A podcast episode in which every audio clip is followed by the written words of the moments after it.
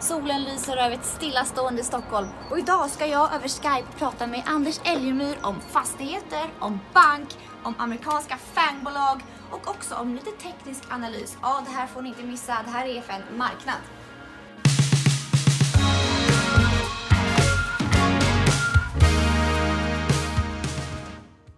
Ja, välkommen till Skype-mötet Anders Elgemyr.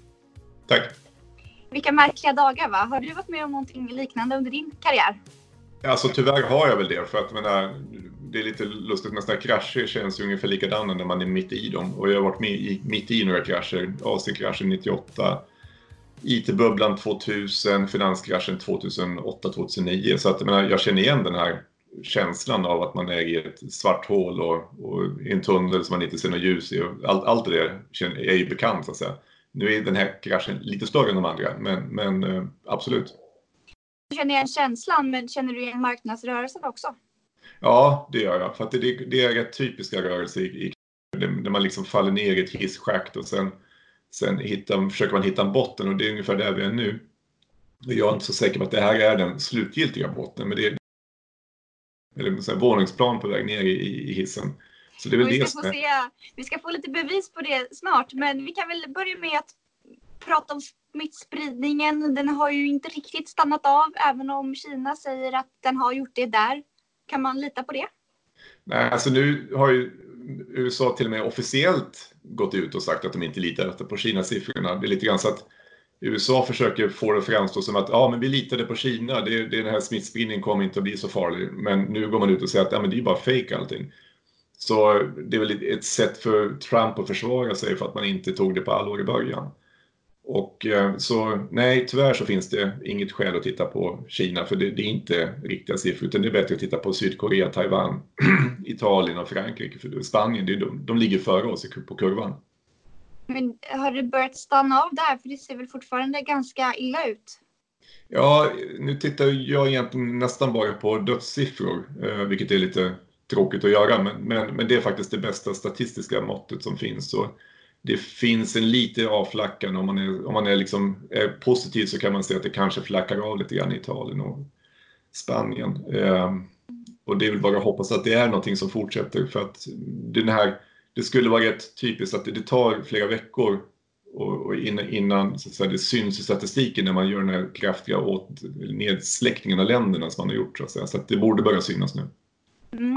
Och om man vill leta efter lite andra positiva nyheter eller indikationer i den här marknaden så ska faktiskt eh, president Donald Trump möta Saudi och Rysslands president och snacka olja. Kan vi, kan vi vänta oss att han kommer få dem att sänka produktionen av oljan?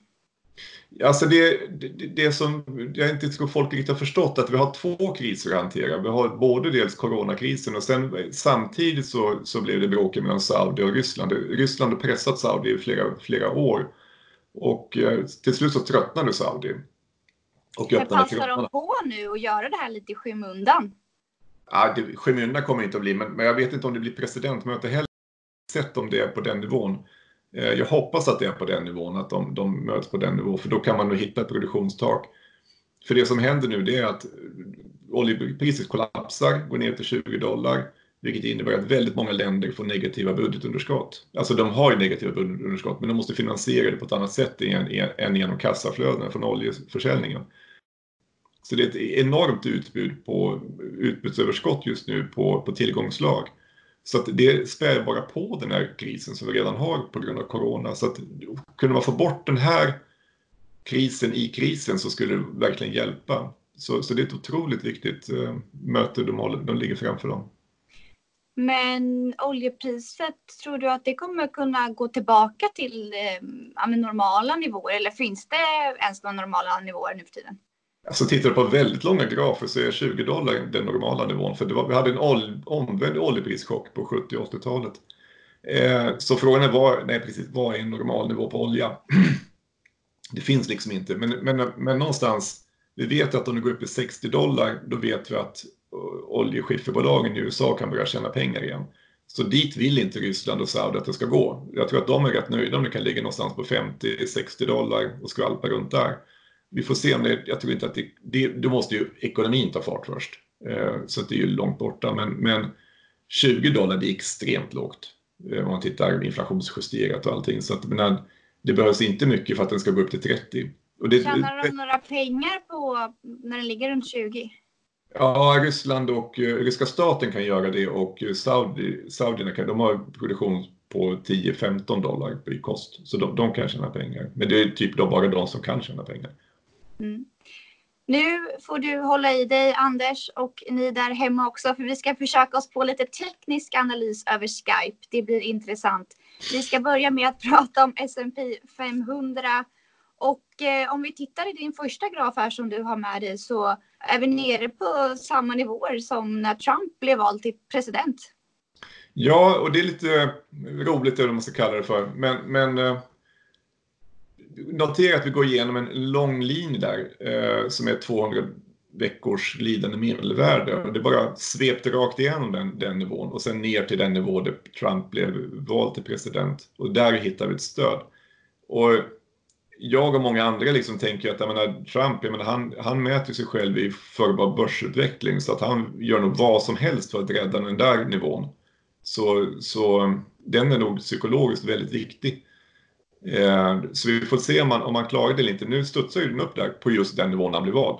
Och sen gick den upp till 200 dagars lidande medel, eller veckors lidande medelvärde. Så att någonstans här så kanske man kan hitta en botten i, i börsraset. Ja, för tittar man på nästa graf så, och det är en dagsgraf, eller hur? Den ser inte lika negativ ut. Nej, den, den är, det är exakt som du säger, det är en dagsgraf. Och eh, anledningen till att jag tittar väldigt mycket på teknisk analys, det, det är någonting som man inte får göra i Sverige nästan, för att det anses vara lite hokus pokus och sådär. Men, men de som tycker det kan ju bara tänka på att 80-90% av, av börshandeln sköts av datorer idag. Och de går faktiskt på den här typen av algoritmer. Så det här är bara teknisk analys idag, det är liksom bara en spegelbild av hur, hur datorerna agerar egentligen. Så det är lite fånigt att ha den där attityden tycker jag. Utan det är bättre att liksom titta på graferna och se vad man kan se. Och sen, det går inte att, att förutsäga börsen bättre. Eller det kan man göra i vissa, alltså vissa setup finns det. Men, men det är en väldigt bra liksom, karta över hur det ser ut. Eh, och den, den, den är viktigare tycker jag än att försöka följa alla, privatekonomer och andra som har massa åsikter. Utan det är bättre att man liksom tittar på vad som egentligen handlas i marknaden. Men det svåra är väl att, att dra eh, verkliga eller bra linjer. För man kan ju titta på en graf och se lite vad man vill se. Så är det och det tar några år att lära sig faktiskt. Och, och dra de där linjerna. Men, men det finns ju några, några enkla knep och det viktigaste är faktiskt trendlinjerna. Alltså förr i tiden så drog man nivåer på gamla toppar och gamla bottar och sådana saker. Det är nästan ingen som gör idag utan man tittar på andra typer av saker. Och en enkel sak att följa det är att följa glidande medelvärden. Så 20 dagars glidande medelvärde till exempel, en typisk eh, linje som man ska följa, den är mitt i där. Så den studsade mot det när den studsade upp nu. Om du bara följer... Den gröna linjen där eller? Blå, den borde vara gul. Blå va? Så att den, om du tittar där på, jag kan ju inte peka nu, men första Fibonacci-linjen där så går, korsar den. Så den, den gick ner, gjorde en uppstuds, mm. sen går den upp i 20 dagars glidande medelvärde. Och där stannar den. 20 dagars lidande medelvärde är även snittet när man gör Bollingebanden. Nu blir det lite tekniskt där, men det är två standardavvikelser från 20, 20 dagars lidande medelvärde. Så det är, en, det är en, så att säga, en statistisk bra nivå att titta på, för det är väldigt sällan som man har utfall utanför två standardavvikelser. Så det, när den går upp i två standardavvikelser blir det ändå ett stöd eller ett motstånd också. Så det är bara matematik det här. Men vad, och på enkelt språk, vad säger den här grafen oss? Att vi är på väg upp? Den här grafen visar att nästan alltid när man får en väldigt kraftigt fall så får man en teknisk rekyl. Så det är bara att vänta på att den där tekniska rekylen ska komma. Och det är väldigt många som flockar sig in och tänker att ah, men nu, är det, nu måste man köpa för nu missar man hela tillfället om man inte sticker in och köper nu. En teknisk rekyl är typiskt sett 30 50% av nedgången. Och det som är ritat ut är de där blå horisontella linjerna, det är så kallade Fibonacci-linjer. Så det är hela, upp, hela så att säga, från toppen till botten och så delar vi upp det i, i Fibonacci och mitten där är ju 50% Så en typisk studs, den kan man säga, det är 30% av hela nedgången och det är ungefär det man tog nu. Mm. den kan vänta nu, Fibonacci, ska du blanda in miljö och natur nu här också? Absolut. Du, du, du tycker att det finns ett gyllene medelvärde eller ett gyllene snitt i en börsgraf? Nu behöver vi inte spekulera om Guds existens just nu, men, men vi kan ta det efteråt. Men, men det som är Fibonacci är ju väldigt mycket en, en talserie som går igen i naturen.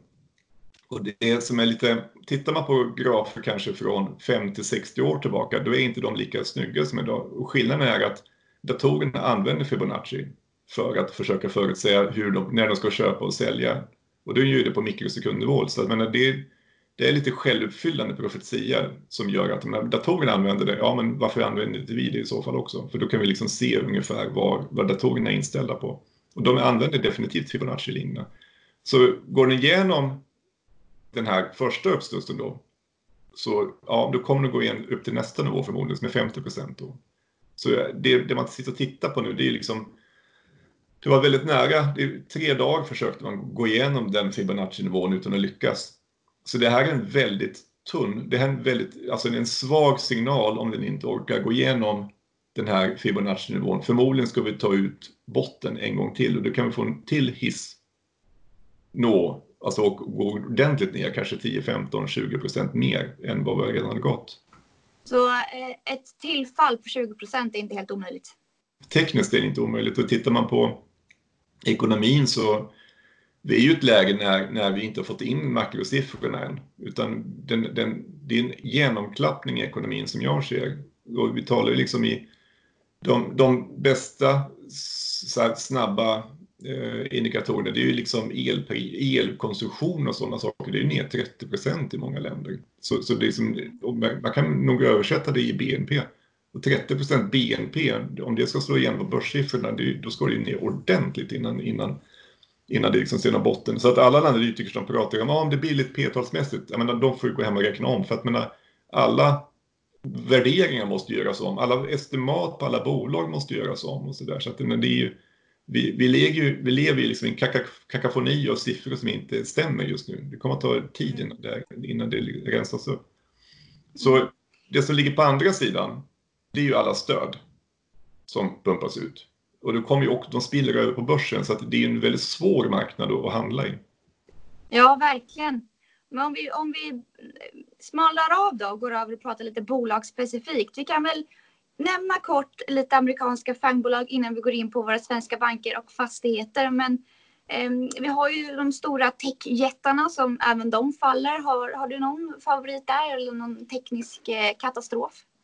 Nej, men alltså det, det jag tycker man ska göra det är att köpa Apple. För liksom Apple är bolag som jag har extremt svårt att tro att det skulle gå omkull. Så, så vill man köpa någonting som är säkert och, och, och mer eller mindre gynnas av den här anti-Kina-stämningen som finns just nu, då kan man ju köpa Apple.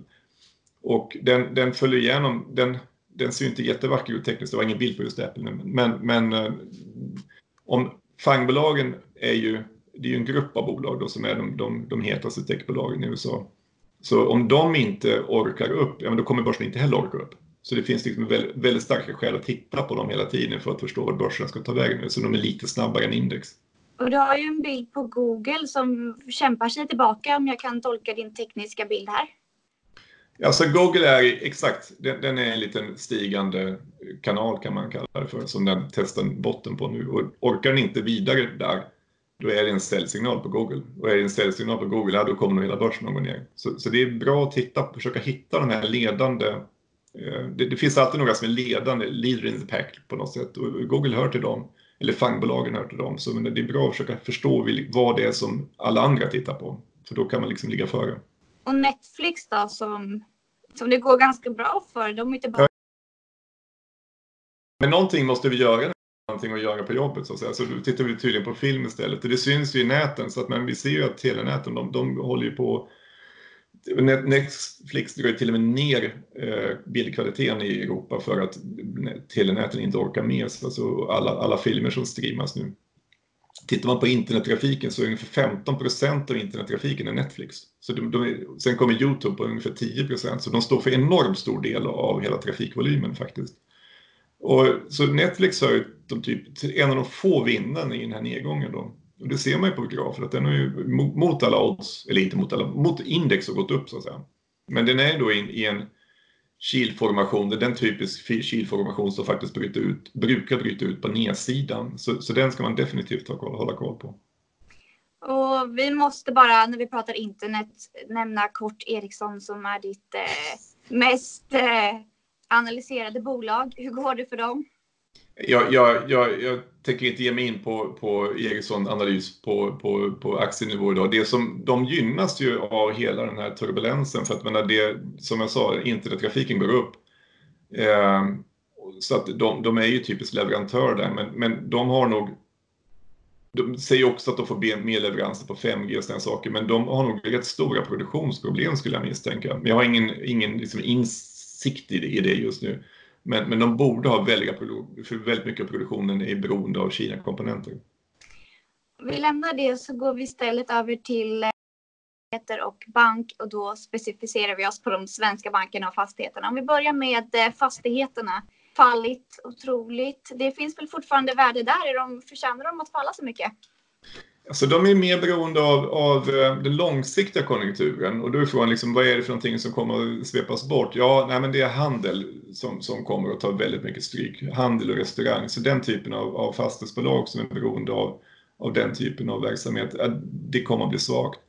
Eh, men å andra sidan så var det inte byggt speciellt mycket sista åren heller inom, inom den sektorn. Så att, menar, eh, jag, jag tror att de fastighetsbolagen det är någonting man ändå ska försöka plocka upp i, i nedgångstider och då plocka upp då de som är kanske minst belåningsgrad, de som liksom, man ska inte ta den som är för beroende av att deras eh, omsätta obligation inom närtid eller, eller har, har den typen av strukturella problem. Har du Så, någon favorit där då, Anders? Inom fastighetssektorn? Mm. Ja, men jag, ens, titta på SBB som tar väldigt mycket stryk nu på grund av att affären inte igenom. Kungsleden är ett annat bolag som, som det finns rätt många bolag som, som är intressanta. Jag tror vi ska gräva ner oss i Atrium Ljungberg faktiskt, för att men det är ett bolag som eh, har med, förmodligen ett av de minst förstådda bolagen på börsen just nu. Så att det, de har ju väldigt mycket centrumfastigheter och, och det, det, det har ju tagit väldigt mycket stryk, men nu är det ju en intressant aktie skulle jag nog säga. Och svenska bankerna då, som, eller nordiska bankerna i övrigt som hade det tufft redan innan med skandaler och annat, faller ju också tungt som stenar till botten. Finns det ja. någonting där att hitta? Alltså, dels det med fallande knivar, försök inte fånga dem. Eh, jag, jag, tror absolut att det finns banker som är, som är värderingsmässigt intressanta, för många handlar sig långt under eget kapital, vilket de, de, det är lite absurt att de gör. Men å andra sidan, så det är ju inte svenska banker väldigt intimt kopplade till värderingen av andra banker och, och Italien som land ser väldigt bistert ut nu. Och när det spricker Italien då kommer en massa tyska banker få problem och sen kommer hela värderingen för hela sektorn att gå ner. Så, så var försiktig med banker skulle jag säga. Men svenska banker ska ju ha en premiumvärdering. För att ja, vi har lite oligopol här. Ja, absolut, men det kan inte, premievärderingen är ju innebär en procent över någonting annat relativt sett. Så menar, går allting ner så går ju de också ner så att säga. Så jag, jag, absolut, om man, om man verkligen kan bank, då kan man nog kanske hitta några intressanta eh, bankobjekt. Men, men jag skulle vara väldigt försiktig för att den är, det, det, det, då är man rätt mycket i, det är bättre att hitta sektorer med lägre risk. Men vad, vad, vad är, bankerna kommer väl aldrig gå under? Nej, men de kan gå ner väldigt mycket innan de går under och räddas. Så, men det, vi talar ju, jag kommer inte ihåg vad, vad var kursen på SE-banken när de plockades upp förra gången i bank, bankräddning, men det, vi talar inte många kronor. Och, och, det är väl det som är problemet att smäller det så smäller det på riktigt. Eh, och 2008 så, det är ju någon storbank, jag är rätt säker på att det är någon av de här storbankerna i USA som har smält. Där, där de får, det syns liksom på reporäntorna i USA att det är, bankerna litar inte på varandra. Varför ska vi då lita på bankerna? Så, så de, Fed pumpar in pengar i systemet för att de inte litar på varandra och inte lånar ut pengar till varandra. Så jag förstår inte riktigt logiken varför vi ska lita på dem i så fall. De får reda upp det där först. Mm. Tack så mycket för att eh, fick prata med dig över Skype, Anders. Det blev lite filosofiskt, det blev lite börs, det blev lite eh, teknisk analys. Vad kan man mer önska sig av en Skype-intervju? Tack så mycket och vi är tillbaka i morgon och då ska vi gästas av Carl Arnfeldt och prata lite ny teknik. Missa inte det. Tack!